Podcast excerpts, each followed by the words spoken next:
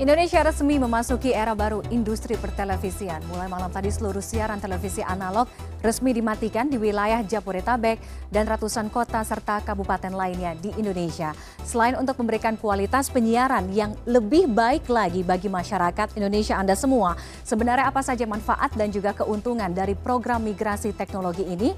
Untuk membahasnya malam hari ini, bergabung bersama kami staf ahli Kementerian Informasi Satrio Darmanto. Selamat malam Pak Satrio. Selamat malam. Baik, Pak Satrio, mulai malam tadi terhitung pukul 24 sudah beralih semuanya. Kita sudah masuk ke era baru TV digital Indonesia.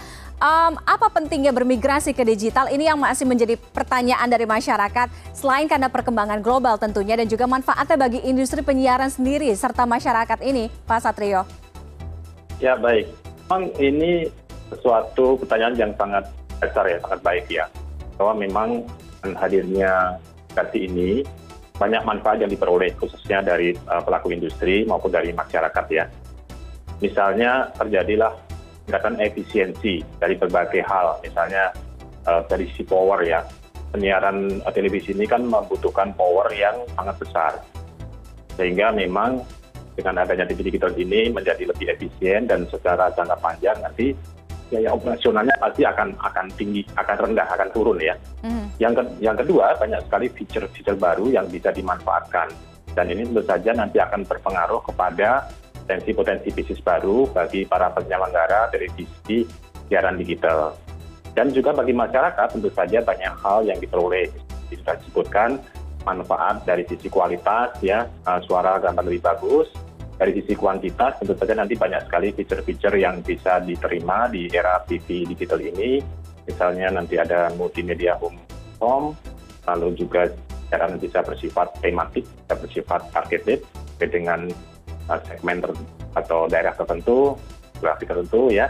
Di samping itu juga tentu saja nanti akan uh, banyak sekali manfaat ekonomi yang bisa dilakukan oleh masyarakat. Misalnya ada penggunaan e-commerce di tv digital hmm. samping itu juga potensi potensi uh, membuat aplikasi aplikasi baru hmm. dan juga peluang peluang baru misalnya dengan adanya model bisnis baru misalnya ada model voucher model phone dan sebagainya yang bisa dipakai di tv digital okay. mungkin itu sedikit menjawab pertanyaan tadi mas. Iya tadi pak satria sempat sampaikan ada um, uh, keistimewaan uh, sejumlah fitur. Nah fitur apa yang yang um, yang didapat yang bisa didapat oleh masyarakat ini?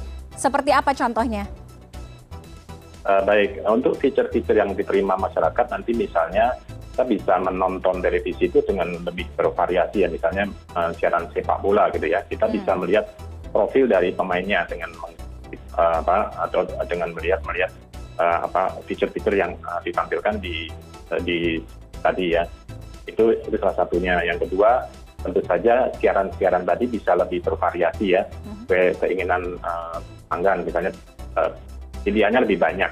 Banyak bervariasi dan tentu saja kualitasnya lebih tinggi sehingga masyarakat bisa ikut berpartisipasi. Misalnya membuat user generated content ya sesuai dengan daerahnya masing-masing. Misalnya daerah-daerah yang rural gitu ya hmm? mereka bisa mempromosikan daerahnya misalnya lewat televisi dan ini nanti satu hal lagi itu nanti bisa ber, berkolaborasi dengan uh, penyelenggara telekomunikasi karena nanti ada produksi baru yang bisa sinergi antara penyiaran dengan aplikasi.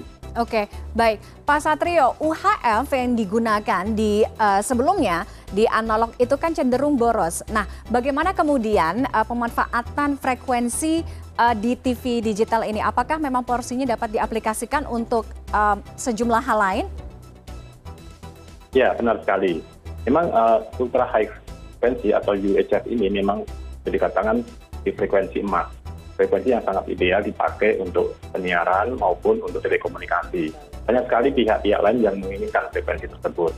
Saat ini kalau di, uh, di era analog itu memang uh, boleh dikatakan boros karena uh, kebutuhan TV analog itu membutuhkan frekuensi yang sangat lebar untuk televisi ya. Nah nanti di era digital itu memang satu televisi itu bisa menggunakan frekuensi yang lebih hemat. Ya memang nanti secara nasional ada ada penghematan frekuensi di ultra high frequency tadi dan bisa dimanfaatkan untuk siaran-siaran uh, atau fitur yang baru misalnya dari sisi telekomunikasi nanti ada misalnya feature untuk uh, mobile television, mm -hmm. dengan penyiaran, lalu juga untuk uh, apa, dasar recovery, untuk uh, perakiraan cuaca, dan baru banyak sekali game dan sebagainya. Mm -hmm. Oke, okay. um, untuk parameter teknis TV digital sendiri seperti apa Pak Satrio? Ya, memang pemerintah itu sudah cukup lama ya untuk uh, menentukan parameter teknis karena memang parameter teknis ini hubungannya dengan tadi peningkatan efisien, kualitas dan juga kuantiti tadi ya. Karena itu semacam uh, hukum fisika ya di mana parameter teknis itu berkorelasi langsung dengan tadi efisiensi dan juga kualitas tadi ya.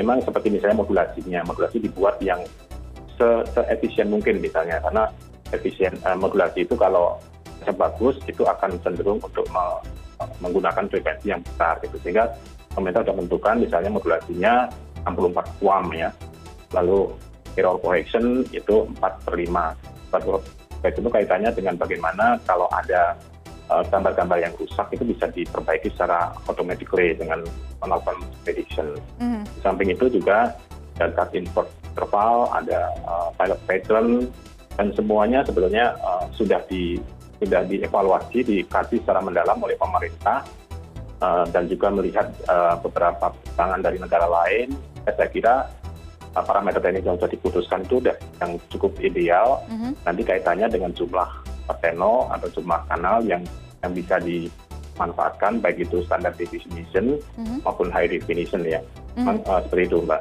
Oke, uh, tadi Pak Satrio di awal sempat menyebutkan uh, ketika saya tanya apa sih sebenarnya manfaat dari migrasi uh, TV digital ini uh, untuk masyarakat. Banyak sekali sisi positif positifnya. Nah, uh, terkait dengan kebermanfaatan uh, terhadap migrasi ini uh, bagi perkembangan pelaku di industri penyiaran um, Indonesia sendiri seperti apa? Ya, untuk pelaku industri masyarakat ya itu memang akan berproses saya kira ya. Hmm. tidak serta merta ya. Misalnya ya. nanti uh, tiga, tiga bulan pertama itu memang dikatakan masih sama dengan analog ya. Namun tentu saja dengan perkembangan kembangnya teknologi dan uh, masyarakat juga semakin bisa berproses untuk belajar hmm. nanti akan ada beberapa fitur yang langsung masyarakat bisa memanfaatkannya. Sehingga uh, di daerah-daerah yang ini memang uh, daerah yang boleh dikatakan masih uh, daerah remote ya yang masih belum ada uh, pilihan lain. Kan memang menurut menurut uh, beberapa survei ya masyarakat itu masih menggunakan televisi sebagai sumber informasi utama. Ya misalnya nanti sekolah gitu ya bisa memanfaatkan siaran televisi ini untuk kebutuhan uh, dan jarak jauh misalnya pada saat uh, apa online gitu ya. Dengan cara yang lebih lebih efisien. Jadi banding menggunakan internet itu nanti akan lebih uh, stabil lebih gambar lebih bagus lalu fiturnya lebih lebih banyak gitu dan bisa misalnya janjian uh, waktunya secara video dan sebagainya sekali fitur yang nanti akan kembangkan dengan ya, TV digital ini. Oke, kita intinya optimistis ya uh, memasuki era baru industri penyiaran Indonesia untuk yang lebih baik lagi. Terima kasih uh, kepada Bapak Satrio Darmanto, staf ahli Kominfo sudah bergabung untuk berdiskusi bersama kami malam hari ini di CNN Indonesia Connected. Selamat malam Pak, sehat selalu. Malam